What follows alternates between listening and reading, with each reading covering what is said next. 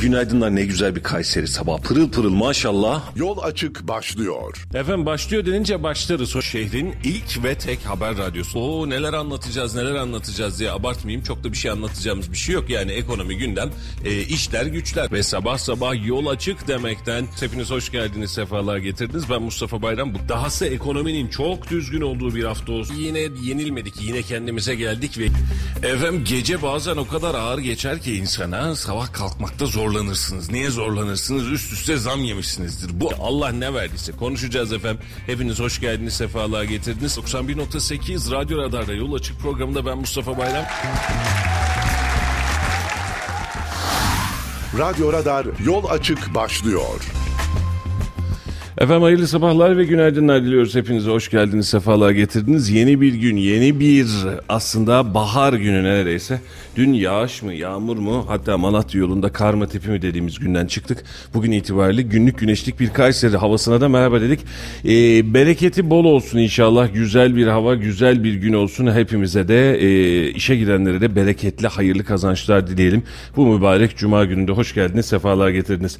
Bugün de saat 9'a kadar sizlerle beraber olacağız. Laflayacağız, muhabbet edeceğiz. Memleketin sorunlarını, konularını, gündemlerini hep beraber masaya yatıracağız. Az sonra yayın arkadaşlarımızla beraber de sizlere merhaba diyeceğiz. Önce bir para piyasalarını hemen bir değerlendirelim ardından da yayına geçmiş olalım. İlginç gelişmeler var çünkü para piyasalarında da an itibariyle dolar 19 lira 34 kuruş, kuruş euro ise 21 lira 41 kuruş olarak işlem görüyor. Ee, bankalar arası piyasada altının ons fiyatı 2042 lira Brent petrol ise 86 dolar 40 sentten işlem görüyor. Altın kendini aşmış durumda son dönemlerin rekorlarını kırıyor. Hatta bugüne kadarki en yüksek değeri olan 2060 dolarlar seviyesine yani tarihi rekorunda da çok fazla bir zaman kalmadı. Serbest piyasada durum nedir ona da bakalım. Doları şu an itibariyle kapalı çarşıda 19 lira 72 kuruştan, euro ise 21 lira 83 kuruştan işlem görüyor. Yaklaşık 22 liraya yaklaşan euro, 20 e, liraya yaklaşan dolar var. Aradaki makas da ciddi ölçüde artmış oldu.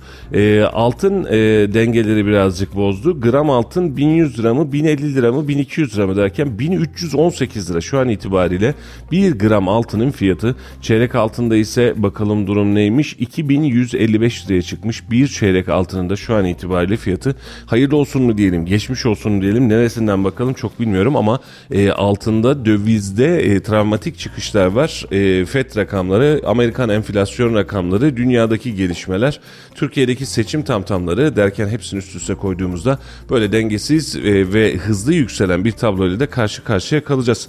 Günaydınlar Halil Bey, günaydınlar Ahmet Bey. Hoş geldiniz, sefalar getirdiniz. Günaydın. Hayırlı sabahlar. Günaydın, teşekkür ediyorum. Günaydın. Siz ne diyorsunuz duruma? Aldı başını gidiyor altın diyorlar. Daha da gidecek. Diyor. Öngörüm bu. Daha Yatırım tavsiyesi da değildir diye altına ekleyelim bari. Şaşılacak bir durum değil ya. Uzun zamandır konuşulan bir mevzu bu. Yani özellikle hanımlar tarafından onlar sosyal medyadan şuradan buradan kehanetleri çok dinliyorlar, çok takip Astrologlar ediyorlar. böyle diyor filan diye. evet evet onların dedikleri çıkıyor. Yok onu da tutmazsan şey oluyor. Ben yaşadım geçen seferki tavrı. Bak sana demedim mi şu zamanlarda altına atacakmış astrologlar böyle diyor dedi. Nasıl yani dedim. Altının piyasasında mı astrologlar belirliyormuş dedim. Öyle diyorsun da inanmıyorsun ama aslında böyleymiş dedi. Ağzımı açamadım çünkü dinlememişim o zaman itibariyle. Bunlar her yani. şeyi biliyor. Yok onların bildiğini boş ver. Hanımlar onların bildiklerini biliyor. O kötü tarafı o. Bir de onların inanıyor- bildiği, yani onların bildiği çok problem değil. Bildikleri yanıldıklarına yetmez de. Hanımlara söyleyip de astrolog vesaire böyle uç noktalardan bir şeyler çıkınca e, evde zorluklar çıkabiliyor bazen yer yer yani. Valla bu astrologlar artık hani kendilerine yok Uranüs oradan geliyor Neptün'ün arkasından geçiyor o ona böyle el sallıyor o öyle olunca böyle oluyor derken e, şimdi depremden sonra biz bir tane e, şu Hollandalı mıydı neydi şarlatanı gördük. Tarihler vererek depremler yok akşam gece şöyle olacak şu tarihte böyle olacak derken millet o gün sokağa dökülmedi mi? Kayseri e, hayali şehir haline gelmedi mi Evet. o gün? Yaptılar zamandı? başardılar Altı- yani altı Allah Mart var. mıydı? Ama astrologlar yanında işte şeyler de dahil oldu ya biliyorsun oradan. Din bilginleri de dahil oldu ya. Ha bir de ayrıca öyle bir e, şarlatanlar var. Aynen öyle. Ama işin kötü tarafı tamam. Ben o adamlara çok bir şey söylemiyorum. O gün Prim neydi? kasıyor, o şey e, yapıyor. video denk gelmiştik ya hatırlıyor musun? Sana da seyrettirmiştim. Hangisi? Diyor ki e, o meşhur arkadaşlardan bir tanesi şimdi diyor gidecekseniz cennetle cehennem arasında oradakilere diyor e, Ha. hatırlıyor musun? Tam cümleyi hatırlamıyorum. Diyor ki Nakşibendi tarikatındayım dersen hatta Nakşibendi tarikatının şu kolundayım dersen diyor di- direkt cennetliksin Direkt diyor. cennetliksin Yani diyor. hani e, Hristiyanlıkta cennet satanlara e, başka türlü bakıyorduk işe cennetten tapu satanlara bizde de başlamış. Yani böyle ağzım ayrı kaldı satıyor. böyle bir laf söylenir mi acaba? Sahih ya. hadislerden biri Peygamber Efendimiz kızına Fatıma ya Fatıma diyor.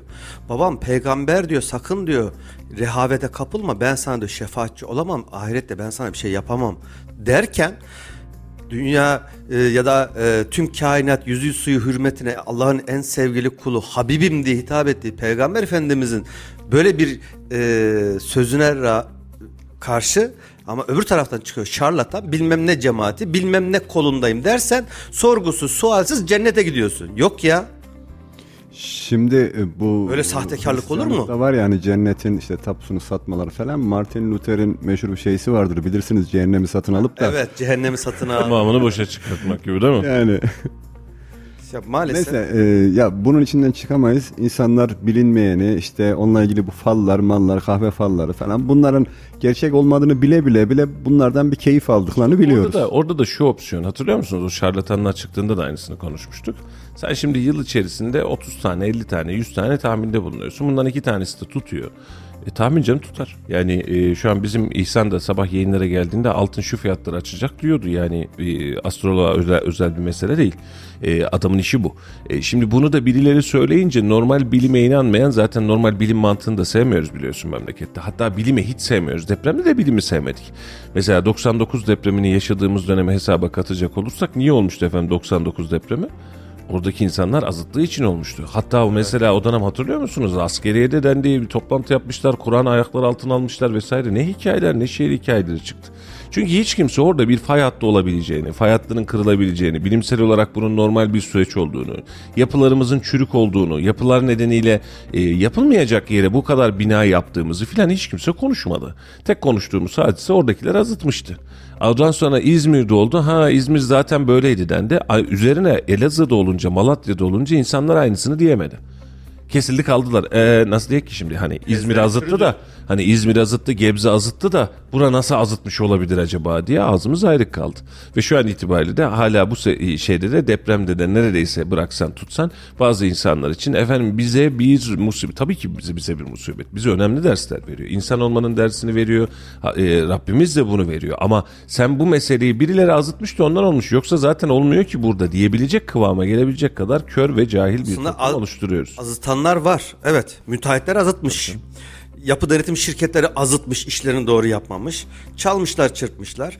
Ee, imar planlarını yapanlar fay hatlarının üzerine yaparak azıtmışlar. Bölgeyi yönetenler Yanlar- eski ve ben gidiyorum diyen binaları göz göre göre değiştirmediği için azıtmışlar ya da umursamamışlar. boş Sonra vermişler. altına dükkan yapanlar e, daha fazla geniş alan diye kolonları keserek azıtmışlar. Azıtan bir kesim var. Ama azıtan kesim bunlar. Ondan sonra da depremden sonra neler olduğunu görüyoruz. Allah esirgesin. İşin kötü tarafı hala akıllanmıyoruz. Hala gereği yapılmıyor. Hala 11 tane şehirde tüm ilçe belediye başkanları dahil olmak üzere büyük şehirler var, normal şehirler var. Hepsi görevlerinin başında. İmar e, komisyonda ya da e, imza atanların hepsi görevi başında. Bir Allah'ın kulu ne istifa etti ne görevden alındı. ne de yargılandı ki Ne de yargılandı. e, süreçte mesela AFAD'la Dört tane günah alakalı keçisi seçtik orada. Aynen öyle. AFAD'la alakalı sıkıntılarımız vardı. AFAD'da görev değişikliğini ya da yerinden almayı boş ver yer değişikliği daha yok. Kızılay'la alakalı müthiş sansasyonlar vardı. Şu an itibariyle muhalefet dillendiriyor bunu. E biz o gün de söyledik Halil hatırlıyorsun. Muhalefetin eline sen bu kozu veriyorsun. Kızılay'la alakalı kozu veriyorsun, veriyorsun, veriyorsun. Bununla alakalı hiçbir şey yapmamışsın. Şu an itibariyle biz orada da bir görev değişikliği görmedik. Herkes yerli yerinde duruyor. E, bu işin tüm sorumlusu toplamda 100-120 taneyi bulan müteahhitimizmiş. Yani başka hiçbir sorumlu yok. Müteahhitler suçlu, geri kalan hiç kimsede bir suç yok, kabahat yok. Hadi içeri al, tutukla vesaire demiyorum. Soruşturma aç en azından. Onları dahi göremedik ne yazık ki. E, bunun için de biz işte e, astroloğa böyle bakınca, dine böyle bakınca, işe böyle bakınca e, Rabbim böyle başımıza bela mı veriyor? Valla az bile yapıyor bazen. Söylüyorum az bile yapıyor. Yani bu kadar aymazlık, bu kadar adam sendecilik, bu kadar adam kayırmacılık, bu taraf bu kadar gelir için 3 kuruş için e, tepe tepe uğraşmacılık. Hatırlıyor musun? İzmir depreminde de vardı, bu depremde de var aynı hadise. Yaptığı binaların altında gelini kaldı, kızı kaldı, torunu kaldı, kendi kaldı diye e, ne kadar haber e, okumuştuk. E demek ki oluyor. Yani sen onu yapıyorsun. Bazen Rabbim sana sadece etrafındakileri değil sana da aynı cezayı veriyor. Neyse mevzu başka bir yerden başka bir yere doğru gitti. Evet. Kendi gündemimize doğru hafiften dönelim. Efendim Türkiye Cumhuriyet Merkez Bankası rezervleri de bu artışın içerisinde 3 haftada 7 milyar dolar gerilemiş. 3 haftada rezervlerdeki düşüş 7 milyar dolar ulaşırken swap hariç net rezervi eksi 47 milyar dolar. Brüt rezervde 121 milyar dolar olmuş Türkiye Cumhuriyet Merkez Bankası rezervlerinde. E, seçim dönemi iyi gelmeyecek gibi. Bir de üzerine tabii ki sadece seçim döneminden bahsetmek mümkün değil. Deprem döneminin de deprem anının da bize çok ciddi etkileri var. Orada da çok ciddi bir mali yükümüz var. Bunları da hesaba katarak söylüyoruz ama e, çok rahat geçeceğimiz bir ekonomik düzenden bahsetmiyoruz. Dün bir akşam beraberdik hatta Halicim işte bir esnaf kardeşimiz ne diyorsunuz seçime dedi. E, aynısını e, bundan bir yıl önce de söylüyordum. Bugün de söylüyorum aynı hadiseyi. Seçimin sonucu neyi değiştirir bilmem. Kim seçilir bunu da çok fazla bilmem ama ekonomik sonuçların ortalama olarak görebiliyoruz. Şu an seçim sattığında konuşmayacağımız, çok konuşmayacağımız dolar kuru, euro kuru, yarın bir gün krediler, faizler, faizlerin ne kadar arttırılıp azaltıldığı, bankaların ne kadar kredi vermediği, fiyatların ne kadar uçtu. Bunlara gerçekten 14 Mayıs'tan sonra ya da 28 Mayıs'tan sonra oturup düşündüğümüzde ya biz ne yapmışız diye herhalde bir 40 tur daha atacağız gibi geliyor. Burada bir düzenlemeye, burada çok ciddi nitelikli bir yapılanmaya ihtiyacımız var. E, bu yapılanma yeni değil. Son 2 yıldır buna gerçekten çok ciddi ihtiyacımız var ama 2 yıldır seçim, geçim, deprem, pandemi vesaire derken pas geçe geçe bu hale kadar geldik. E, bakalım kim iktidara gelecek? İktidara gelen de bu problemi çözebilecek mi? Hep beraber göreceğiz ama acı reçetesini vatandaş olarak biz ödeyeceğiz. Kim olursa olsun. En azından e, görünen kısım burada net. Değil mi Halil'ciğim? Evet. Hepimiz göreceğiz. Çünkü bir taraftan hem Millet İttifakı hem Cumhur İttifakı hatta Sinan Oğan'ın e, seçim vaadi 30 bin lira olacak asgari ücret diye. Şimdi tabiri caizse bol keseden dağıtıyorlar ama bunun mutlaka bir karşılığı olacak. illaki olacak. Tabii ki. Bir yerlerden veriyorsa bunun da tekrar toplaman lazım. Devletin e, dağıttığı kasanın yanında öbür taraftan bir de vergiler var. Geliri olacak ki gideri karşılayabilsin. Sen şimdi 10 lira gelirin var 12 liralık vaatlerde bulunuyorsun. O aradaki 2 liralık fark ne olacak? Tekrar vatandaşa vergi olarak tekrar yansıyacak. E biz asgari ücret tespit edilirken e, yani hiç kimsenin parasında gözümüz yok. Herkes daha fazlası. O başka bir şey ama bakın bu kadar artarken sevinmeyin. Siz daha e, yeni maaşınızı, zamlı maaşınızı almadan eriyip gidecek sözlerimize insanlar bazen tepki gösterdiler o dönemde. Ama sonrasında ya haklıymışsın dedi. Şeyi çok iyi hatırlıyorum. Seninle bunu konuştuk. Maaş ne olmalı, şu kadar olmamalı, şu kadar oldu diye hatırlıyor musun? Dinliyorsa selam olsun. ismini telaffuz etmeyeyim şimdi ayıp olur. Patron patron konuşuyorsunuz dedi. Biz çalışanız demişti. Bu eleştiriyi çok çok iyi hatırlıyorum. Keşke olsa keşke yapılabilse vatandaş şu anki alım gücünün en az iki katına çıkmak zorunda. Bak şu anki alım gücü neyse bunun en az iki katına şu anki piyasa verileri itibariyle çıkmak zorunda. Ama bunu sadece tek başına safi maaşı arttırarak yapabileceğimiz bir atmosferi çoktan kaçırdık. Ve çok güzel söylüyorsun. Bak 7. ayda asgari ücret zammını şu an iki tarafta konuşuyor doğru mu? Kılıçdaroğlu da konuşuyor, Tayyip Erdoğan da konuşuyor. Bunun anlamı ne? Herkes 7. aya kendini e, adapte edecek. 6. ay itibariyle herkes ben fiyatları arttırmam lazım. Asgari ücrete zam geliyor diyecek. Kaçta zam gelecek acaba? Biz yavaştan üstüne koyalım da farkını koyarız acaba. Kaç arttı? %20 arttı fiyatlar. Örnek veriyorum maaş zamları. E, piyasa ortalama %30, %35 artacak. Hiç kimse işçilik maliyeti olarak düşünmeden üzerine koya koya koya gideceğiz. E, enflasyonu kendi içerimizde kendimiz köpürtüyoruz ve bunu yapmaya da devam ediyoruz. Üretim endeksine geçmediğimiz için. Dün e, şu an haberi göremedim. Bir ulusal kanalda vardı aynı hadise. Süt üretiminde ne hale geldiğimizi, et üretiminde ne hale geldiğimizi, ülkece hangi anlamlarda geriye gittiğimizi görmeden. Sadece et süt meselesi değil. Sanayide ne, ne, nereye gittiğimizi, ithalatta, ihracatta nerelerde olduğumuzu görmeden biz ekonomik yordamlarla arttıra arttıra üzerine koya koya koya gidiyoruz. İşin açıkçası şu Halil geçen sene de yapıldı biliyorsun bir arazam. Bu sene de bir arazamdan bahsediyoruz. Önümüzdeki sene de seçimden sonraya denk geliyor. Allah var 7. aydaki seçimden sonraya denk geliyor. Ama arazam da bizim için bir alışkanlık. Hatta çok yakın bir süre içerisinde enflasyonu eğer net bir şekilde tutamayacak olursak e, önümüzdeki süreçte her ay enflasyona odaklı bir zam e, sürecine dahi girme ihtimalimiz var. Yani aydan aya. İşte 80'li 90'lı yılları tekrar bir daha yaşıyoruz. 30 yıl 40 yıl sonra hani tarih tekerrürden lafı ibarettir lafı gerçek oluyor. Tekrar Aynen bir öyle. daha bir daha biz o enflasyonist ortam hatta süper enflasyonu da geçtik. Hiper Enflasyon var, demiştik. süper enflasyon var, hiper enflasyon var. Hiper enflasyon demek ne demek? Yıllık yüzde yüzün üzerine çıkan enflasyonuz hiper enflasyon Evet. demek. Sadece bu ani muyuz? çıkmadığı için adına devalüasyon demedik ama normal şartlarda bunun adı bir devalüasyon aslında. Yani ani çıkmadı sadece. Tabii ki. Yani yoksa şu Bir gece yerine konuştuğumuz- 6 ayda çıktık. Aynen. Ulan bu. Ee, ve toplamda sonuç yıla bakacak olursan birçok menbaada birçok emtiyada %300, %400, %500 dediğimiz fiyat farklılıkları var. Ee, efendim e, demokrasi doğru konuşmak, konuşabilmek, kamuoyu oluşturabilmek ve konuşanın ağzına kürekle vurmamak dönemine dönmemiz lazım. Kim kazanırsa kazansın. Yani e, çünkü bunu şunun için söylüyorum. Hani vatandaşa bunu söyleyince şöyle zannediyor. Efendim siz iktidar yok ya iktidar istememekle alakası yok. İktidarı dört tur daha değiştir istersen. Sen vatandaş olarak aynı mantıkta olacak olursan, yaşadığından ders çıkartmayacak olursan değiştirmenin ne farkı var? Şimdi şöyle düşünelim Ali'cim. Deprem bölgesindeki kayıplarımız 500 kilometre hatta şu kadar ilimizde şu kadar insanı etkiledi, şu kadar bina yıkıldı. Konuşuyoruz değil mi bunlar?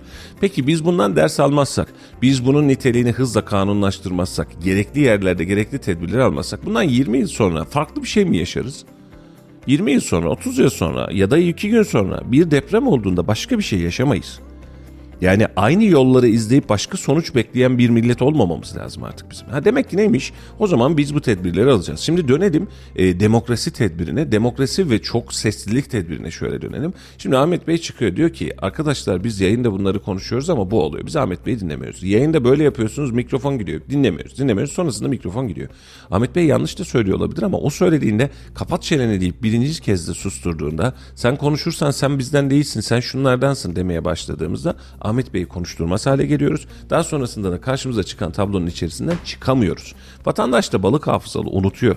Ee, biz ekonomik bu sürece girerken hatırla Halil'cim ee, yani son iki yılın ekonomik sancısını yaşıyoruz aslında en büyük. Yani savaş da etkisi, pandemi de etkisiydi. Sonrasında savaş da etkiliydi ama savaşın öncesinde bizim aldığımız bir takım yapısal kararlar da bizi etkiledi. O zaman kaç tane ekonomi uzmanı bunu anlattı bize tek tek? O kadar fazlaydı ki. Ve onun sonrasında şöyle dediler. Siz hep aynılarını görüyorsunuz, gösteriyorsunuz. Şu ekonomi uzmanları da böyle böyle diyor. O ekonomi uzmanlarına göre bizim ekonomimizin şu an ikiye katlaması lazımdı iki yıl içerisinde. O bir de saçmalayan ekonomi uzmanı. Ya bunu bilimsel bir verisi yok mu kardeşim? Bunun bir kurulu yok mu? Yani bir oturup da ne yapıyoruz arkadaş diye konuşacağımız bir yer yok mu? TL bazında ikiye katladık zaten. Aynen. TL bazında ikiye katladın, dolar bazında yarıya düştüğün için. Ee, yok şöyle düşün. Mesela 2020-2021'de Türkiye'nin gayri safi milli hasılasına kadar 800-850 milyar dolar. O zaman dolar kuruna kadar 7 lira 8 lira. Şu an kaç lira Türkiye'nin e, gayri safi milli hasılası 850 milyar dolar 900 arası. Ama dolar bazında, Dolar bazında iki aynı. katında geçtik. Tabii TL olarak hesaplarsan örnek veriyorum o zaman işte bir buçuk trilyon TL'ydi sallıyorum şu an rakamları. Şu an 3 trilyon TL. Ama dolar bazında yerimizde saydık. Öyle. Yani e, işte bu bu bu, bu veriyi göremeyecek Nereden kadar. baktığın önemli işte. Ya işte istatistiği kendine yalan meka- mekanizması olarak kullanırsan hadise bu. Büyüyor musun, küçülüyor musun? Otur realist olarak bak. Şunu anlarım ben. Şimdi hükümetler bir politika deniyor ve bunun karşılığında da doğru çıkmıyor. Kolay. Yanlış yaptığını kabul edersin. Yanlıştan geri dönersin. Beraberinde de vatandaştan şu uygulamaları şuna çevirdik dersin. Vatandaş da der ki ya tamam şu kadar doğru için içerisinde bir tane de yanlış olur der mesela. Örnek veriyorum.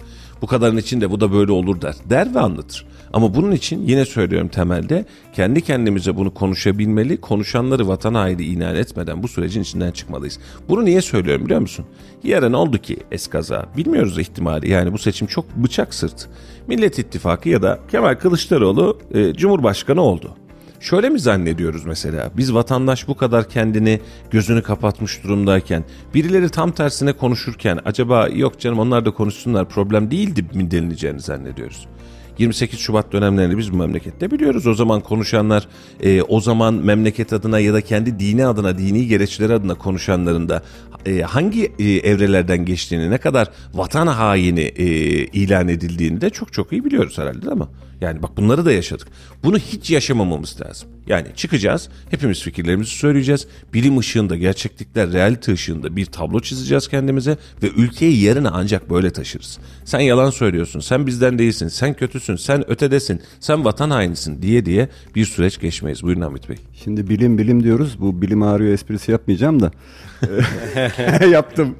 Ee, arkadaşlar şimdi Covid-19 dönemini yaşadık. Bir bilim kurulu oluşturuldu biliyorsunuz. Türkiye'nin her yerinden bilim adamları bir araya geldiler ve sağlık konusunda belli kararlar aldılar. Buna da e, A partisi B partisi demeden bütün Türkiye olarak çünkü Kayseri'den de bilim kurulu üyelerimiz vardı. Birçok şehirden vardı. Şehrin bilinen, tanınan insanları bu kurulda üye yapa, üye olarak fikirlerini söylediler. Evet. Şimdi depremle alakalı da aynı şekilde benzeri bir deprem bilim kurulu oluşturuldu.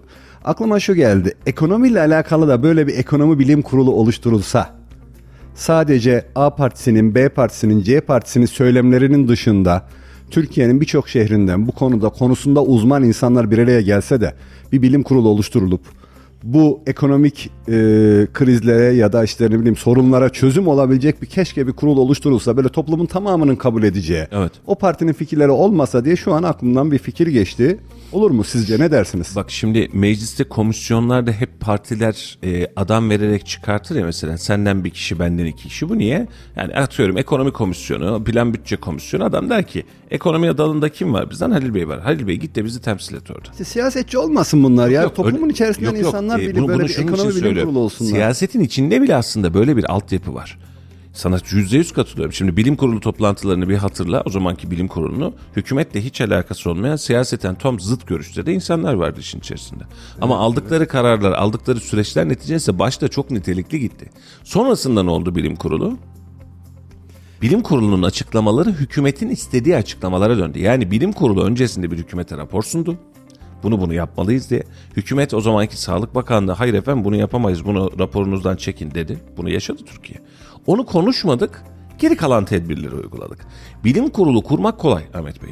Şu an üniversitelerimizin içerisinden depremle alakalı bak her bir inşaat mühendisliği, jeoloji mühendisliği, jeofizik mühendisliği bunların her birinin içerisinden bir bilim kurulu çıkar. Çok rahatlıkla. Mesele Var şu. zaten hani Ha, e, tabii tabii. Deprem bilim uzmanlardan var. biliyoruz. Yani ben de bilim kurulu üyesiyim Tabii, tabii. diyen uzmanlarımız Mesele şu, bu insanların bir, rahat konuşabilmesi, iki, konuştuklarının tüm kamuoyu tarafından dinlenilmesi, siyasi kutuplaştırmaya geçilmemesi ve işimize bakmamız lazım. En, Nokta. en azından en azından insanlar fikirlerini söyleyebilir diye düşünüyorum. Yani e, öyle ya da böyle bir partinin içerisinde işte seçilmiş kendi sözlerini söyleyecek, kendi fikirlerini e, bu kurulda dile getirecek insanlar yerine siyasetin dışındaki bilim insanlarının da siyasete bulaşmamış. Yani içlerinde mutlaka olacaktır da e, siyasetin dışında ekonomiyle alakalı çünkü bunlar hep münferit ve bireysel kalıyor biliyorsunuz. Şimdi biz bir ekonomi programı yapıyoruz. Bizim ekonomi programımızdaki uzmanımız ayrı bir şey söylüyor. Diğer bir kanalda ya da bir mecrada başka bir ekonomi uzmanı başka fikirler söylüyor. Ama bunlar bilim kurulu olarak bir araya geldikleri zaman siyasilerin de yani kulağına en azından bir kar suyu kaçırmış oluruz. Ee, yine onlar açıklamalarını kendi istedikleri şekilde yapabilirler. Ama Evet. bu bilim kurulunun tavsiyeleri ya da önerileri e, ekonomi anlamda da e, ortaya konursa bence biraz yol kat etmiş oluruz diye düşünüyorum. Valla inşallah yapabileceğimiz çok şey var ama bak şimdi e, tesadüfi önümü açtım. Bu arada önce bir not var. Mehmet e, selam hayırlı cumalar. Ahmet Bey'in katılımı renk kattı. Yol açık yayında demiş. Sağ ol Mehmetciğim iyi ki varsın. Sana da bir selam göndermiş Ahmet Bey. Hatta sen bu şu konuşmaları almadan önce söylemiş. Mehmet sürekli dinleyicimiz sağ olsun. Şimdi bir arkadaşımız Kayseri'de İstanbul'dan. Şimdi e, Facebook'a şöyle telefonu sen konuşurken elime aldım.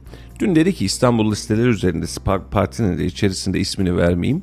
e, bir liste değişikliği söz konusu olmuş. Şu gelirse olmaz bunu böyle yapmak lazım. Bu insanların burada işine e, teşkilatımı cezalandırılıyorsunuz. Kazanma AK Parti'de koy AK Parti'de bir arkadaş. Şimdi 5 saat öncesinde gecenin 1 saatinde gece saat 3'te özür diliyorum. Siyasi bir aktör olmayı bırak figüren dahi olmadığım halde durumdan vazife çıkarıp işgüzarca siyasi paylaşımlar yaparak gereksiz meş kocaman bir metin yazmış. Ve sonunda da şöyle demiş. Ben gelmedim dava için benim işim sevi için dostun evi gönüllerdir gönüller yapmaya geldim demiş.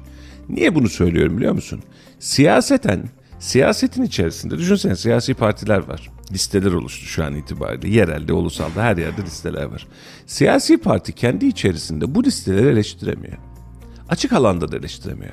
Yani ben örnek veriyorum AK Parti'deyim, MHP'deyim, CHP'deyim, İyi Parti'deyim. Partinin üyesiyim ya, delegesiyim, koşturuyorum, bayrak asıyorum, toplantılara katılıyorum filan.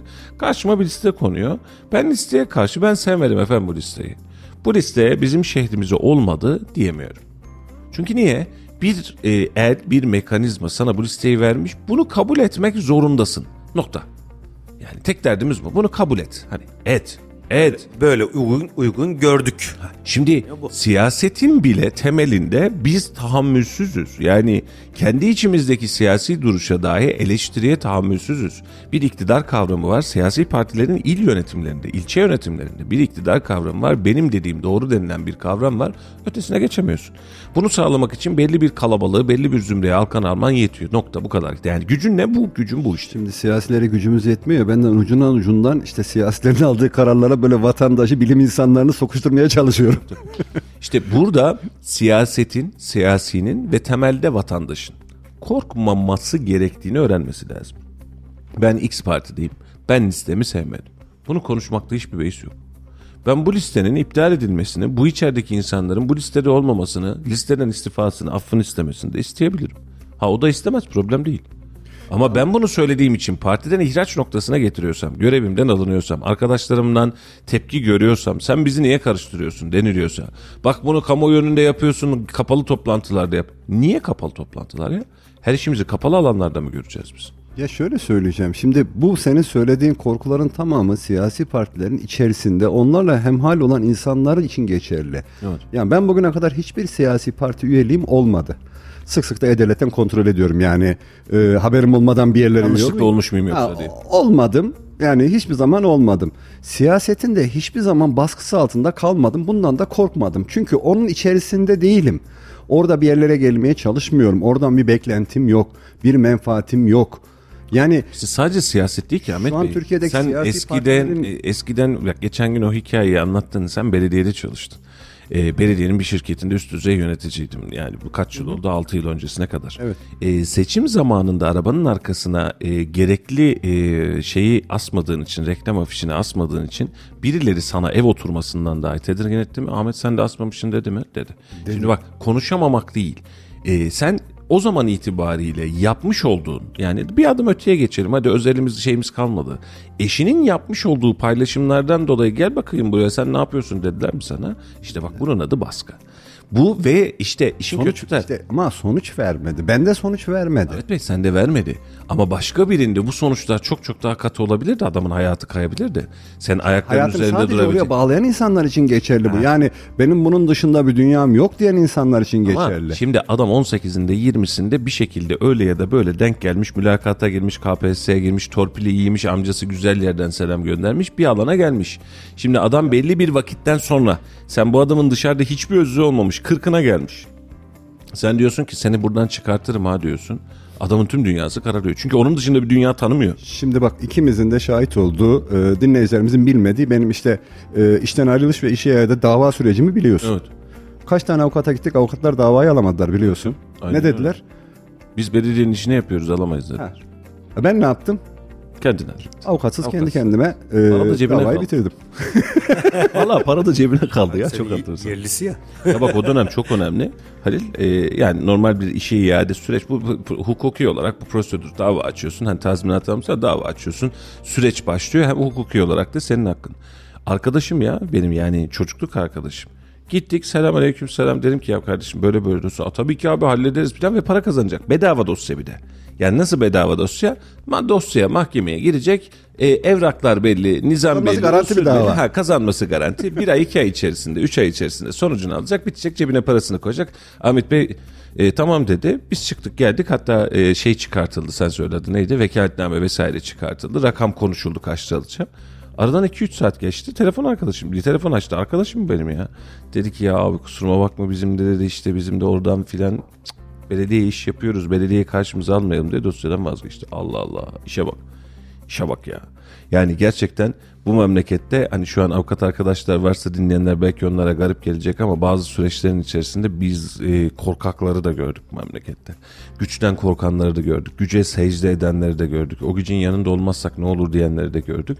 E, bunu da şunun için söylüyorum. Hep bunu özellikle altını çizerek söylüyorum. Bugün itibariyle bu tablonun içerisinde güç, iktidar ve erk kimse biz ona karşı bunu sağlıyoruz ama vatandaş buna o kadar alışıyor ki gücü değiştiriyorsun secde pozisyonu değişiyor sadece. Secde devam ediyor. Ya bir örnek daha vereyim. Bir arkadaşım yine mesai arkadaşlarımızdan e, bana şahitlik yapacaktı. dava gününe yakın bir zamanda telefon açtı. Dedi ki ya çok özür dilerim dedi. Benim dedi işte çocuğum dedi e, hukuk adalet okuyor. Mezun oldu sınavlara girecek dedi. Ben dedi şahitlik yapmasam da en mazur görür müsün dedi. Hay hay dedim hiç sıkıntı yok. Ben formalite icabı istedim senden bu şahitliği dedim. Yani e, benim o dava sürecinde bir çekişmeli bir durum yok bilmem bir şey yok. Zaten sonucu belli. Sadece hukuki formalite yerine getireceğiz. Ha hiç kırılmadım hiç alınmadım da. Çünkü maalesef ki o insanın üzerinde düşünsene çocuğu bir okula okuyor. Çocuğu sınava girecek. Ben sana şahit olursam bu sınavdan dolayı ben sıkıntı yaşar mıyım endişesini yaşıyor insanlar. Yazık ya ülkedeki insanlara Belki yaşamayacak hiç alakası yok ama olsun korku var. Zaten bu hani mahalle baskısı dediğimiz korku dağlar bekçisi dediğimiz hadise bu. Yani öyle bir pozisyon oluşturuyorsun ki insanlar bir şeye karar verirken ve hareket ederken bundan dolayı ben ceza alır mıyım? Bundan dolayı mimlenir miyim? Bundan dolayı "Hmm, sen böylesin derler mi diye bunun korkusunu yaşıyor. Ve e, işte yani. insanları tabanı bu hale getirdiğimiz için sevgili dostlar. Şimdi tavanı değiştirsen de taban aynı.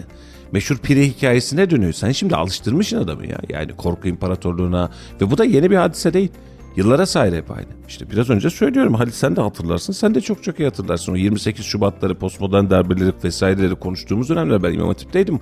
Ee, rahmetli Erbakan Hoca İmam Hatipler arka bahçemizde dediğinde ya neler çekildi ya. Neler çekildi düşünsene yani ben Anadolu Lisesi, Anadolu İmam Hatip Lisesi o zaman gitmişim kontenjan orada var e, okuyorsun E, benim ba- babam da hoca yani yani farklı bir şey değil ki. E sen şimdi gidiyorsun orada sen üniversite sınavına lise sınavına geleceksin bak orada olursan olmaz dendi mi aynı tablo yaşandı. Şimdi başka bir tablo yaşanıyor yarın e, bu, de, bu, bu işlemler değişince bir başka tablo olarak da bize zuhur etmeye devam edecek. Ve bunun için vatandaşın çok net bilinçlenmesi lazım. Sivil toplumun, sivil örgütlenmenin doğru mu? Çok net oturması lazım. Dernekleri, e, STK'ları vesairesiyle dur kardeşim ne yapıyorsun sen diyebilmemiz lazım. Hukukun çok net oturması lazım. Bunları sağlamadığımız sürece hükümeti dört tur daha değiştirelim, beş tur daha değiştirelim. Ahmet'i getirelim, Kemal'i getirelim, Meral'i getirelim. E, Kim istiyorsan getir fark eden bir şey yok ki. Tabanı değiştirmek lazım. Yani geçtiğimiz gün bir siyasetçi e, laflıyoruz böyle ne yapıyorsun şudur budur muhabbetleri oldu. Ne yapacaksınız dedi. Valla biz hiçbir şey yapmayacağız dedim. Biz tabana eğitmeye, insanlara anlatmaya, insanlara öğretmeye konuşlanmamız lazım. Siyasetin içerisinde bu ülkeyi değiştirebileceğimiz şey sadece geçici. Birkaç gün, birkaç ay, birkaç yıl. Vatandaşın ufku açılmadığı sürece de aynı noktaya dönüp dönüp suratımızı, kafamızı çarpmak zorundayız herhalde. Kendimizi değiştirmediğimiz sürece siyasiler bildiklerini okumaya devam edecekler. Maalesef söylediğin gibi. ki. Yani bunun çok daha eskisi var. Yani hem 60'lar, 70'ler, 80'ler yani bizim bildiğimiz aklımızın yettiği 1980 darbesi ve sonrasında bu memlekette yaşananlar siyasiler ya da gücü elinde bulunduran bir memur bile yani bir imza yetkisi olan bir şeye imza atacak kadar en alt kademedeki bir memurun bile o gücü nerelerde nasıl kullandığını hepimiz biliyoruz. 28 Şubat döneminde başörtülü e, kardeşlerimize bacılarımıza yapılan zulümleri biliyoruz. Askeriyede e, terfiler yaparken senin annenin e, başı kapalı, senin eşinin başı kapalı diye terfi ettirilmeyen askeri personelleri Ya biliyoruz. şimdi o Yani dönemde askeri yaşandı. okul sınavı bak Halil'cim e, İmam Hatip'teyiz namazımızı da kılıyoruz vesaire. Ay- ayağında bir iz oluşur namaz kılanların yani sağ ayakta özellikle altına doğru alıyorsun ya orada bir hafif bir nasırlaşma oluşur. Belli bir dönemde as- alnında secde izi oluşur. Oluşur yani. Kimi için nur izidir, kimi için secde izidir. Bunların dahi askeri liseler sınavında kontrol edildiği bir dönem geçtik biz ya. Namaz kılıyorsa bunun içinde olmasın.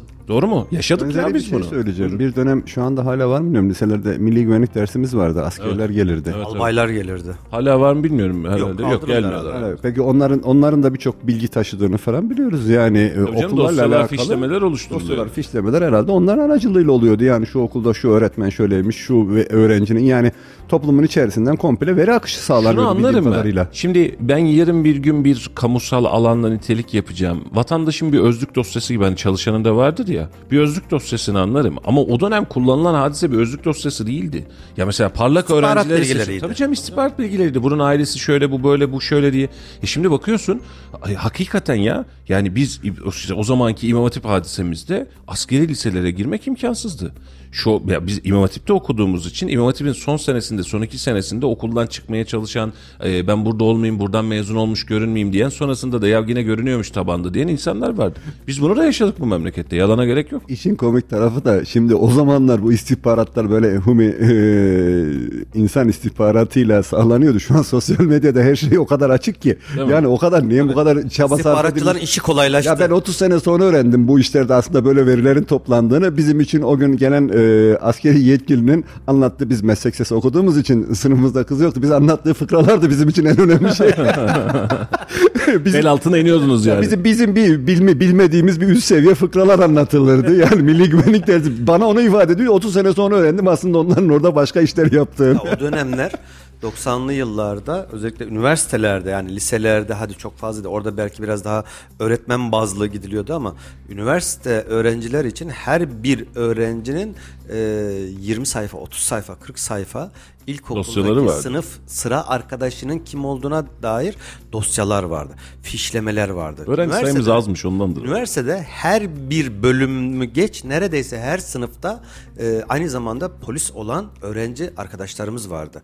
Bunların işi tabii ki eğitimlerine devam etmek ama görünürdü o. Diğer taraftan istihbarat bilgileriyle dosyalar olurdu. Halicim dediğim gibi şu anda bu işin tamamının yükünü sosyal medya aldı. Evet. Sosyal Hayır, medyada tek herkesin başına- her türlü istihbaratı var. Ahmet Bey şimdi e, dosyaları biriktirelim. Yani insanların istihbaratlarını alalım. Yani şimdi Ahmet Bey yayına çıkıyor. Mustafa Bey bir gazetecilik yapıyor. Be- Bizim dosyamız yok mu? Mutlaka ki var canım. Sıkıntı yok. Hani ne olduğumuz, nereye gittiğimiz, kimlerle beraber olduğumuz ya mutlaka ki var. Deli gibi var onları biliyoruz. Şimdi mesele dosyamızın olduğu, dosyamızın ne olduğu değil. Buradaki korku imparatorluğu mesele. Şimdi düşünsene adam e, 40 yaşına kadar gelmiş ehli müslim olarak yaşamış 40 yaşında demiş gibi ya ben vazgeçtim ben ateistliğe dönüyorum diyorsun ama dosyada ne yazıyor? Bu adam imam hatipti misal. Var mı ihtimal? Ya da tam tersi. Adam Baksana, böyle benim, gitmiş benim, başka benim bir de şey. askeriyeden e, üstün hizmet belgem var. Şimdi Şimdi dosyama e, bir evrak eğer duruyorsa. Şimdi meseleye şöyle bakmak lazım. Ee, insanların e, Hak Teala Rabbim insanlara tövbe hakkı verirken sen insanlara hayatlarını değiştirme hakkını dahi vermiyorsun tedbirlisin. Geçtik bunu. Bak dosyalama kısmını vesaire istihbarati kısmı geçiyorum. Ben net söylüyorum. Yani e, bugün itibariyle e, mesela nedir? Atatürkçü Düşünce Derneği üyesi bir arkadaşın tutup da kamunun belli bir noktasında iş bulması, işe girmesi, mülakattan geçmesi ne kadar zorsa ne kadar zorsa o dönemde bir vakıfta bir dernekte yöneticilik yapmış ya da vakfın içerisinde bulunmuş ya da imam hatipte olmuş ya da bilmem bir şey olmuş bir insanın kamuya girmesi de bir o kadar zor. Peki ne değişti? Şimdi önce bir tarafı dışarılıyorduk. Şimdi başka bir tarafı dışarılıyoruz. Yani sen uzakta dur diyoruz. Peki bu insanların nitelikleriyle, nicelikleriyle, liyakatlarıyla, iş düsturuyla mı bakıyoruz? Hayır bakmıyoruz.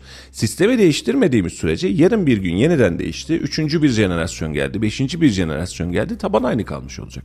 Halbuki biz neye bakmamız lazım? Ahmet Bey bu işi yapabiliyor mu ya? Oldu mu? Şimdi benim bakacağım nokta bu. Oldu mu? Yapabilir mi? Yaptı mı? Bu ben ha şunu şunu anlarım mesela. Bu adam vatansever mi? Vatansever mi? Buna bakabilirim. Ama ben bu adamın tutup da aile ilişkilerinden başka bir şeye kadar bizden mi diye bakmaya başladığım gün itibariyle de kayıplarımız başlamış Biz oluyor. kim ya?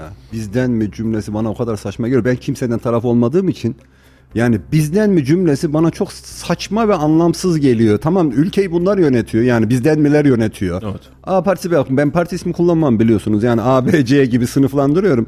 Ya bizden mi nedir ya? Yani liyakat kelimesinin herhalde karşılığı oluyor bu değil mi? Yani zıttı oluyor yani. Evet. Bu liyakatın tam zıttı olan bir şey. Torpilin bizzat anlamı olmuş oluyor aslında. Ee, sistemi değiştirmek için tabanı, vatandaşı, duruşu ve memleketteki korkuları değiştirmemiz lazım. Yoksa sistemi 3 kez, 5 kez, 20 kez daha değiştiririz. Aynı noktalarda yeniden kalırız. Ee, bunun için hepimiz için önemli olan nokta sanayicimiz için de mesela aynısı geçerli. Şu an bizi dinliyorlar birçoğu biliyoruz işe giderken gelirken. E, sanayicide de aynı durum var. Şu an itibariyle sanayici diyor ki ya ben şu partiye mesela örnek veriyorum gönül verdim. Ya da ben şöyle bir çıkış yapmak istiyorum. Şuradan şikayetim var. Buyurun açıklayın. Ya açıklamayalım diyor ya. Yani yarın bir gün FETÖ'cü derler diyor. E, ruhsata gelirler diyor. Denetime gelirler diyor. Geliyorlar mı bilmiyorum ama bu korku var. Yaşadık mı bunu Ali? Birkaç kez seninle beraber de yaşadık. Yani şimdi e, gazeteci olmamız münasebetiyle bir yere gittiğimiz zaman diyor ki abi şurada şöyle şöyle bir sıkıntımız var. Pandemi döneminde esnafın mesela bu anlamda çok ciddi sıkıntısı var. Diyorum ki ya bunu benim anlatmam olmaz. Ben şunu diyemem mesela. Fırıncı esnafı zorda diyemem. Ama sen fırıncı olarak çıkarsın. Dersin ki biz bir açıklama yapmak istiyoruz. Biz zordayız. Bize el atın, omuz atın, şöyle yapın. Bizim şu eksiğimiz. Ya teklifte bulunursun. Biz de bunu yayınlarız. Ne dersin diyorum. Abi biz çıkmayalım kamera önüne. Karıştırma diyor. Gelir diyor fırınımın önünde diyor iki tane dozer gelir diyor. Aylarca iş yaptırmaz. İki ay kapatır getirir diyor. Ben iptal olurum diyor.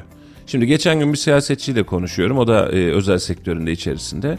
Diyor ki abi şu açıklamayı yaptık diyor. Ertesi gün diyor geldiler diyor inşaatı mühürlediler diyor. Allah Allah ne alakası var? Evrak eksiği yoktu açtırdık Allah'tan diyor. Ama mühürlemişler. Sebep de yok. E şimdi biz hala bunları yaşayabiliyorsak, hala bunları konuşabiliyorsak ya da bu korkuları konuşabiliyorsak demek ki doğru yerde değiliz. E, ve bundan dolayı da insanlara açıklama yapamayan, konuşamayan, işte sanayicimiz dediğimiz nokta. Yani sıkıntısı olduğu noktalar var. Mesela şu an itibariyle geçtiğimiz gün e, Ticaret Odası Başkanımız bizle beraberdi. O da mesela aynı cümleleri kurdu. Bizim esnafı krediye ulaştırmamız lazım. Yani o paraya ulaştırmak için çözümler bulmamız lazım yeni dönemde de. Bugün de hatta akşam Allah'tan mani çıkmazsa Sanayi Odası Başkanımız Sayın Büyük Simitçi yayın konuğumuz olacak. Onunla da benzeri mevzuları konuşacağız. Söylüyoruz ama üzerini böyle kısmen böyle hmm, diyerek söylüyoruz. Halbuki tam tersi. Ne var canım? Doğru olana doğru derken sıkıntı yok da yanlış olana yanlış derken mi sıkıntı var? Koyacağız ortaya. Bu bizim burada bu sıkıntımız var diyeceğiz. Ha bunu yaparken şunu demeye katılmıyorum sadece. Allah bunları var ya filan diye böyle siyasete bulaştırıp işi siyasi mekanizmanın içerisinde yeme. Ama konuşulacak bir hadise varsa bunu da konuş. Hani bunu da çok net söyleyeyim. Ee, bu şey e, sürecinde 21 Aralık sürecinde yani faiz sebep enflasyon sonuç sürecini başladığımız dönemde hatırlıyorsunuz ama e, Top Başkanı bir açıklama yaptı. Top Başkanı'na bile "Hmm, bunları göreceğiz zamanında diyerek susturduk attık. Yapmamamız lazım. Sivil toplum konuşacak. Bir yıldır adamın İnsanlar sesi konuşacak. çıkmıyor. Tabii canım. Ya konuşacak bir yerde. konuşacak, anlatacak bir kitlenin temsilcisi bu. Esnaf odaları başkanı şu an çıkıp da esnafım krediye ulaşamıyor diyecekse diyecek. Yapılandırmayı yapıyorsun Bağkur bu işin içerisinde niye yok diyecekse diyecek. E sen bunları söyleyemezsen ağzını kapatırsan aman duyulmasın ayıp olur dersen o zaman ne oluyor? Tek taraflı bir siyaset oluşturuyorsun, korku siyaseti oluşturuyorsun ve gitmiyor. Ve bakın yine söylüyorum hani seçim yakın çok fazla bir şeyimiz kalmadı. Bugün 14 Nisan tam bir ay kalmış. Bir ay. Bir ay sonra bugün seçimlere gideceğiz. Sandığa gideceğiz ve ülkenin yeni parlamentosunu bugün seçeceğiz. Muhtemelen yeni cumhurbaşkanını ya bugün ya da bundan 14 gün sonra, bir ay 14 gün sonra yeni cumhurbaşkanını seçeceğiz. Bir şeyler değişebilir. Ya da hiç değişmeyebilir. Ama sonuç itibariyle hükümetin adı değişiyor mu? Değişiyor. Yani başka bir hükümete geçiyoruz. Görevler değişiyor, tanımlar değişiyor. Bizim memleketçe siyasete fokuslandığımızdan daha çok bizim kendi özgürlüklerimize konuşma hakkımıza, düzgün bilime, düzgün ilime, doğru iş yapmaya fokuslanmamız lazım. O zaman biz bu işin içinden çıkarız. Yoksa yine söylüyorum ben bunu uzun zamandır siz de söylüyorsunuz ben de söylüyorum. Hükümeti 10 defa değiştir, sistemi 20 defa değiştir. Vatandaşın aklını, vatandaşın özgürlüğünü, vatandaşın adaletini değiştirmediğin sürece, algıyı değiştirmediğin sürece bizim oğlan bina okur diyor döner döner bir daha okur diyor. Demişken Melih Hanım demişkenle cümleye girerdi ya Melih. Evet. Ee, bugün 14 Nisan. 17 Nisan ödemesi olan EYT'liler yani ilk defa emekli olanların bugün maaş günü. Evet. Yalnız buraya küçük bir not vermek istiyorum. Ee, daha doğrusu diğer emeklilerin de ayın 17'sinde maaş alacakların 14 Nisan'da yani bugün ödemeleri gerçekleşecek.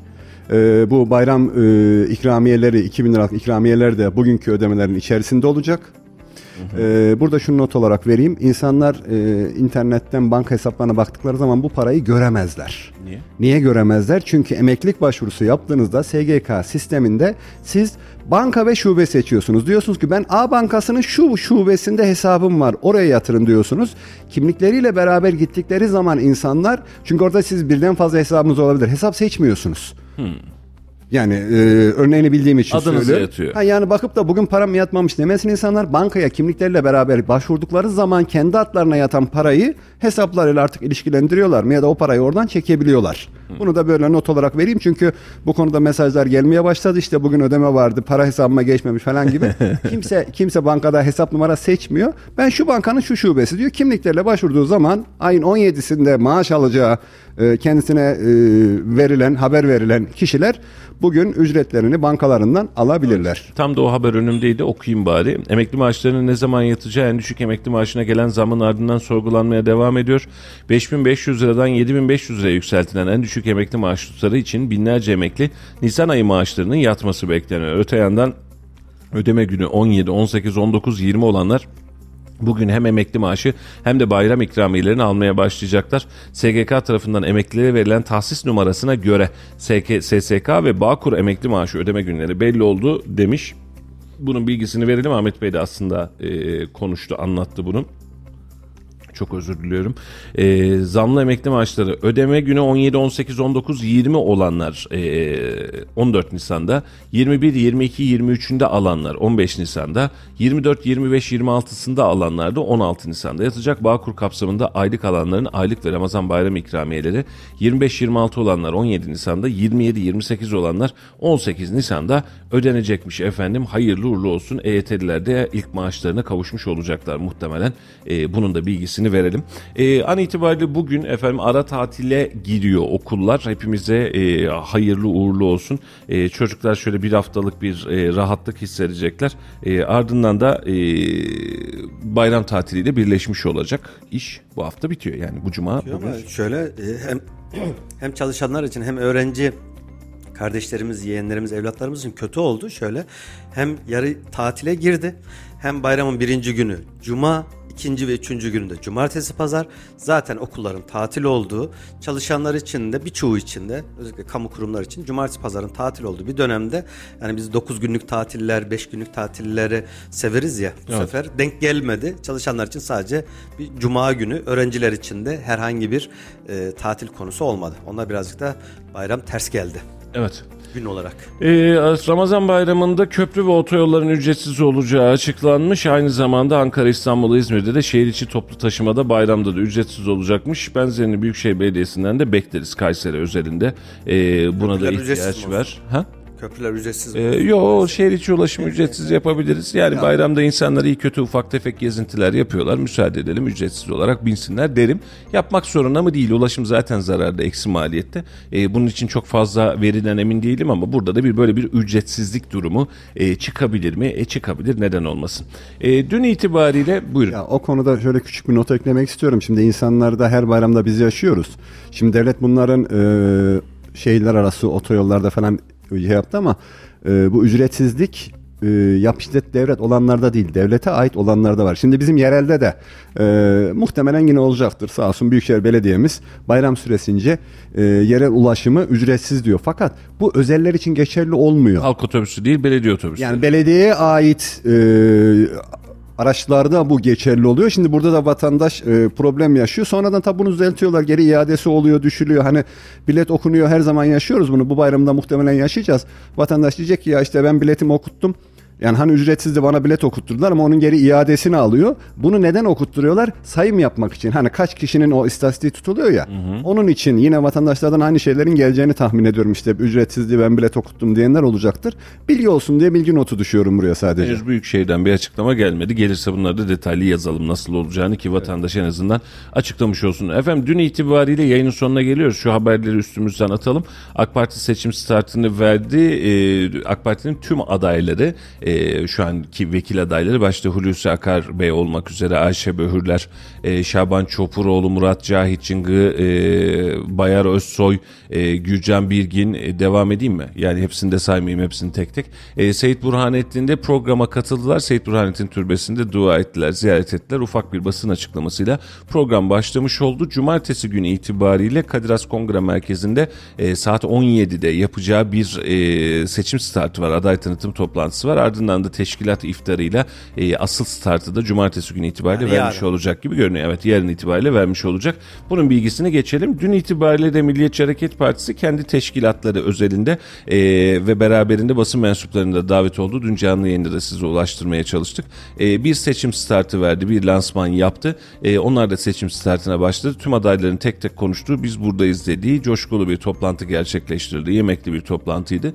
E, Allah muvaffak etsin, hayırlı uğurlu olsun tüm partiler için. Muhtemel itibariyle pazar günü itibariyle İyi Parti diye bekliyorum. E, dün itibariyle yani e, Perşembe değil çarşamba günü itibariyle CHP bir basın lansmanı yaparak onu da haberleştirdik geçtik. E, onlar da seçim startını verdi. Herkes bir seçim startı veriyor. Kalan son bir ay içerisinde tam bir aylık takvim içerisinde artık yoğun yoğun seçim zamanını göreceğiz. Bugün şehre indiğiniz, indiğiniz zaman Baki Ersoy baskın gelmişti. O ekip birazcık onda farklı çalışıyor. Şehrin her tarafını MHP'lilerle doldurmuştu gerçi ama e, beraberinde bugün itibariyle baktığım zaman CHP'nin afişlerini, Büyük Birlik Partisi'nin afişlerini, AK Parti'nin afişlerini Saadet. e, görebiliyoruz. Saadet'i gördük, İyi Parti gördük, e, CHP var. E, bunların tamamının afişlerini alanlarda görmeye başladık artık. Seçim ben geliyorum dedi gibi görünüyor. Üzerine afiş asılmamış ağaç kalmayacak. Komando Caddesi'nden geldim ben sabah çocuğu okula bıraktım. Gelirken yolun sol tarafı başka bir adayın ağaçlarıyla ağaçların üzeri dolmuş. Sağ tarafında bir başka adayın ağaçları Şimdi burada doldurmuş. şunu söyleyeyim. e, elektrik direkleri ve ağaçlar dahil olmak üzere normalde reklam mevzuatında bunlar yasak. Yasak. Ama seçim dönemlerinde ne hikmetse her zaman için bir göz kapatılıyor. E, bu seçimdeki sadece nokta şu, e, takdir edebileceğim nokta şu. Önceden sadece e, bazı partilerin olduğu ve diğer partilerin afişlerinin söküldüğü izin verilmediği tabloları yaşadık seçim dönemlerinde. Eski dönemlerde yaşadık. Sen Halil'cim reklam sektörünün içerisinde yılların var bilirsin bu hadiseyi. Dengeli olması, her tarafta da insanların bu hakka sahip olması önemli. Kanunsuzsa sana da kanunsuz, kanunluysa bana da kanunlu. E, bunun için bu denge birazcık önemli hale geliyor bence. E, inşallah ben e, temelde şunu hesap ediyorum. Onlarca partinin seçim sattığına girdiği, ben buradayım dediği, o istediği bir süreç var. En küçük partiden en büyük partiye kadar herkesin bir yere oy verme hakkı ve onların da senden oy isteme demokratik hakkı var. Yani bu onlar için bir hak. E tabii ki işte e, abi benim param yok ben o kadar afişi bastıramam diyecek bir aday da var. Buna da saygı duyarım. Beraberinde ben her tarafı kapatacağım diyen de var. Buna da saygı duyarım ama mesele kazasız belasız e, ve birbirimizi ötekileştirmeden bir seçim süreci geçirmek. Çünkü bu seçim geçtikten sonra da biz yine yüz yüze bakacağız. Memleket e, birbirine selam verecek. Cenazesinde, düğününde buluşacak. Bazı seçimlerde biliyorsun yaşıyoruz. Kavgalar, gürültüler. İnsanlar da politize oluyor. İnşallah bu seçim yaşamayız bunu. İşte tam o noktayla ilgili şey söylemek istiyorum. Şimdi A ittifakı, B ittifakı ve içerisindeki mozaiklere baktığımız zaman e, kendi özelimizde konuştuğumuz işte seçim zamanı kıran kırana geçecek mücadeleyi ben yerelde yani yerel için söylüyorum görmeyeceğimizi. Umut Hatta ediyoruz. Öyle bir tahminim var. Çünkü bugün onu hissettim. O afişleri görünce, Evet. e, karşı tarafların afişlerini görünce işte tek tarafın baskın olmadığı, yerelde hatta böyle grup olarak bir yerleri gezerken karşılaşıp birbirleriyle merhabalaşıp takolaşacaklarını falan düşünüyorum. Düşünsene hani parti adayları işte çarşı esnafını geziyor. Diğer ça- çarşının diğer ucundan da diğer e, adaylar gelmiş. Yolda karşılaşıp Ki denk gelecek bunlar mutlaka. sohbet edeceklerini yani yerelde e, yerel adayların birbirlerine karşı hiçbir zaman söylem yapmayacaklarını tahmin ediyorum.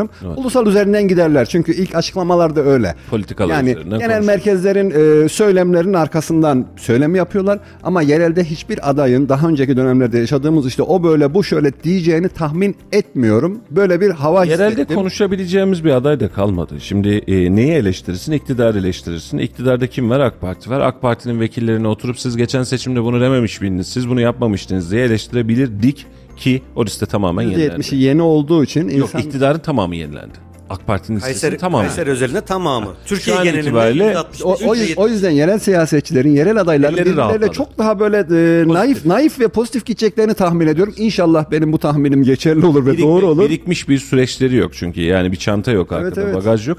Ee, burada zaten e, listenin içerisinde İsmail Özdemir, Baki Ersoy, Dursun Ataş 3 tane isim var yenilenmeyen.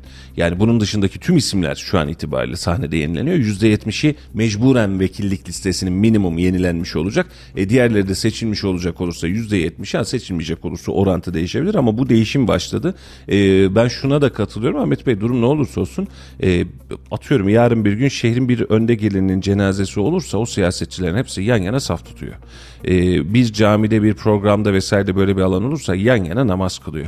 E, düğünleri, akrabalıkları, yakınlıkları, uzaklıkları hepsi birbirine bir. Bu insanların düşman değil tam tersine oturup istişare edebilen, şehir adına bir şeyleri konuşabilen, lazım olduğunda birbirine telefon açıp düşünsene yani Baki Ersoy'un e, Dursun Ataş'ı, Dursun Ataş'ın Baki Ersoy'u arayıp ki aranıyor bunlar birbirlerini biliyorum. Yani e, Sayın Vekilim böyle bir durum var bununla alakalı da desteğinizi bekliyoruz ya da böyle bir şey varmış bak bilginiz olsun diyebilmesi lazım. Bize bu lazım, bize bu gerek. Yani ulaşılabilir olmak sadece bize değil kendi içlerinde de ulaşılabilir olmak şehir için bir ittifak modeli oluşturmakta bu anlamda önemli. Yoksa ana ana siyasette dengeler vardır gelir gider ama e, bu kısmı önemli hale getirmek lazım. Dün itibariyle siyaset sahnesinde bir veda değil bir başlangıç diyerek Vekil Karayel geçti. Havalimanında, Kayseri Havalimanı'nda bir açıklama yaptı. 2015'ten bu yana birlikte çalıştığım vefalı çalışkan fedakar dava kardeşlerime canı gönülden teşekkür ediyorum. Bu Kayserimize veda değil ayrılık değil bu bir başlangıçtır dedi. E, çünkü bu dönem itibariyle 28. dönem milletvekili seçimlerinde İstanbul'dan aday gösterildi Sayın Emrah Karayel. E, biz burada çok eleştirdik daha öncesinde de açık söyleyeyim karakteri düzgün ve beyefendi bir insan. Biz yayına da almıştık hatırlarsın Halicim belki. E, ama mesele şu eleştirirken de aynı noktada hala durmaya devam ediyorum. Şehrin vekilinin şehirle alakası, kokusu, birikintisi olması lazım. E, Milli Türk Talebe Birliği'nde dış politikalarda vesairelerde önemli yetkiler, önemli etkiler almış olabilir. Buna da saygı duyarım ama şehir vekil görmek istiyor. Nokta. Yani bunu kim kazanırsa kazansın. Şu an Hulusi Akar'la alakalı aynısı konuşulmaya çalıştı. Hulusi Bey de Kayseri'den milletvekili olacak. Yani olabilir demiyorum. Olacak yani. O bir, bir daha iki net gerçek. E, bu, bu olacak dediğimiz sürecin içerisinde biz yarın bir gün Hulusi Akar'ın da aynı mantıkla şehirle organize olmuş, şehirde bulunan, şehirde kokusunu hissettiren, şehre hizmeti bulunduran vekili olmasını istiyoruz. Yoksa bu kavramı yaşamak istemiyorsa siyasetçiler bir Türkiye vekilliği diye bir dönem çok konuşulmuş bir model çıkartılacak. 600 tane vekilliğin 300 tanesini şehirlerden seçecek, 400 tanesini şehirlerden seçecek, 200 tane de Türkiye vekilliği genel kontenjan gibi seçecek. Onlara diyecek ki sen Türkiye vekilisin. Senin ilin yok. Her yerde çalışabilirsin. Ama diğerleri ben Kayseri'den seçiyorum. Benim temsilcim olarak seçiyorum. Doğru mu? Beni temsil etsin diye seçiyorum. O zaman ben şehirde de göreceğim, problemimde de göreceğim, şehrin problemlerinde de göreceğim ki şehre katkısı olsun. En azından bu kısım önemli. Ee, yavaştan sona gelelim. Ee, efendim e, bitiriyoruz. Bu akşam itibariyle e, Sanayi Odası Başkanımız Sayın Mehmet Büyüksemitçi yayın konuğumuz olacak saat 21'de. Ee, ve aralarda da yine yayınlarımız, canlı yayınlarımız, bağlantılarımız da devam edecek. Seçim sattığını, seçim sürecini, adayların durumlarını, partilerin durumlarını size son dakika bilgileriyle, anlık canlı yayınlarla hep ulaştırmaya çalışacağız. 30 gün bizim için de sizin için olduğu kadar önemli. Görevimizi yapmak adına önemli. Sizin seçme hakkınızı, eylemleri size ulaştırmak adına önemli. Ee, bunun içinde parti ayrımı yapmaksızın tüm partiler adına da alanda biz buradayız deyip haberciliğimizi e, dün olduğu gibi bugün de yapmaya devam edeceğiz. En azından bunun da bilgisini vermiş olalım. E, sürçülisan edebiliriz. E, hatta e, troll saldırılarına da maruz kalabiliriz. Biz bunları yaşadık biliyoruz ama kalalım. Sıkıntı değil. Biz alışkınız bunlara. Yani e, AK Parti'yi çıkartıyorsunuz. E, sizin tarafınız belliydi zaten. Diğerini çıkart niye yapmıyorsun diyor. E, CHP'yi çıkartıyorsunuz. Siz zaten bunları niye çıkartıyorsunuz diyor. Biz alıştık ama e, demokrasi dediğin, hak dediğin sandıkta senin karşına gelecekse bu liste o listedeki herkesin de sana bir söz ulaştırma şansı olmak zorunda. Eğer bunu da yapmayacak olursan hmm, geçmiş olsun. O zaman demokrasi çıkartmazsın ortaya. Efendim sokağa ne sormuşuz? Bakanların milletvekili adayı olmasını değerlendirmişiz. Bakanlar milletvekili oldu. Bu konuda ne düşünüyorsunuz demiş. Bu bakanlardan bir tanesi de Kayseri birinci sıradayımız. Sayın Hulusi Akar. Ee, bakalım sokak ne demiş bakanların milletvekili olmasıyla alakalı. Laf Sokak'ta ile sizi baş başa bırakıyoruz efendim. Yeni yayınlarda yeniden görüşmek üzere. Yeniden cumanız mübarek olsun. Yarın yine aynı saatlerde sizlerle birlikte olmayacağız. Cümlemi bitirseydim kurtaracaktım. Ee, Genelde cuma günleri aynı şeyler oluyor. Cumartesi de gelesim var bırakmıyorsunuz. Gel, gel, ben Yapalım gelirim yoksa. cumartesi. Yok yok yapmayalım.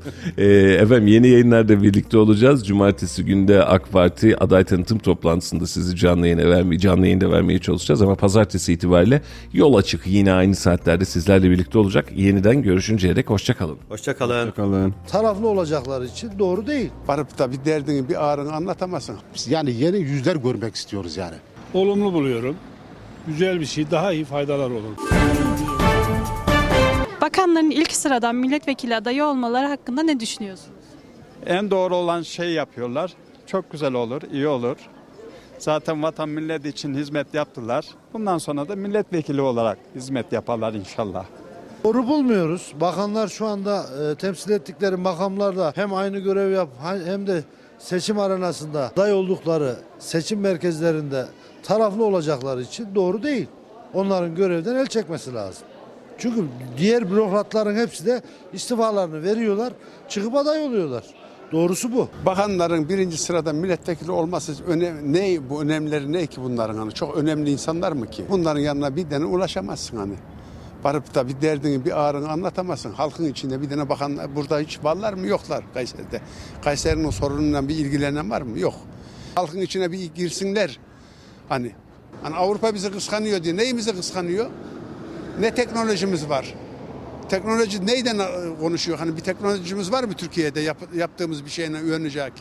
O sandı ya millet bunları. Hani bir E, yüz görelim yeni biz. Yeter bir 22 senedir Türkiye'yi yönetiyorlar. Bakanlar zaten öncelikle bakanlık yapmış burada. Ama nasıl bir faydalı bir şekilde mi yapmış? Kayseri halkı bunu göremedi. Nasıl göremedi? Pazar yeri, çarşı, pazar, esnaf şu anda kana alıyor. Herkes geçim değerine düşmüş. Ülkenin ekonomisi belli. Büyük sıkıntılar yaşıyoruz. Vatandaş olarak yani e, pazara indiğimizde, evimize alışveriş yaptığımızda bayağı bir sıkıntılı süreçteyiz. Yani bakanların faydalı olduğunu düşünmüyorum. Bu iktidarın çok üzücü yönleri çok bizde. Ee, yol yaptık diyorlar, köprü yaptık diyorlar. Ama her olan alt takım oluyor. Alt kesimi oluyor. Yani benim görüşüm bu hükümetin bir an önce gitmesi. Bakanların ilk sırada milletvekili olarak e, gösterilmesi suçlarının kapatmak için, yargılanmamak için bunlar kendilerini zırha bürünüp tekrar milletten kaçmak için, kanundan, adaletten kaçmak için bunlar böyle bir şeye giriyorlar. Hangisi olursa olsun fark etmez ya. Valla bu konuda olumlu düşünmüyorum. Olmaması gerekirdi. Olmaması gerekir.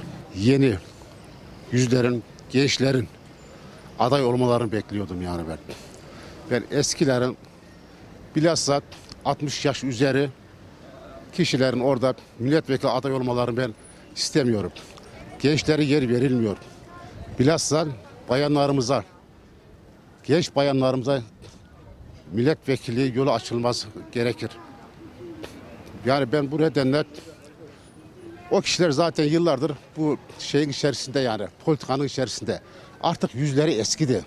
Biz yani yeni yüzler görmek istiyoruz yani. Gençler, bilhassa 40 veya 20 yaş arası. Hep aynı kişiler. Adam 5-6 kere milletvekili aday olmuş, milletvekilliği yapmış. 5-6 dönem. Hala bunlar var yani. Bakıyorum bunlar çok. Ha göstermelik birkaç tane 18 bir kişi var herhalde 18 yaşında AK Parti'den aday gösterildi. Ya onlar da çok az yani. O da göstermelik yani. Olumlu buluyorum. Güzel bir şey. Daha iyi faydalar olur. Bugün Hulusi Paşa'mız Kayseri'ye geldi. Kendi memleketlimiz daha iyi olacağını düşünüyorum. Yani listelerin değişmesi de güzel oldu. AK Parti için, Kayserimiz için de sıfırdan vekiller, yeni vekiller daha iyi olacağını düşünüyorum.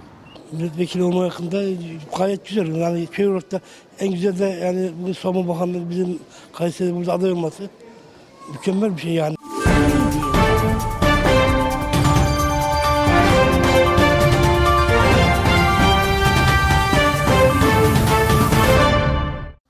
Radyo Radar yol açık sona erdi.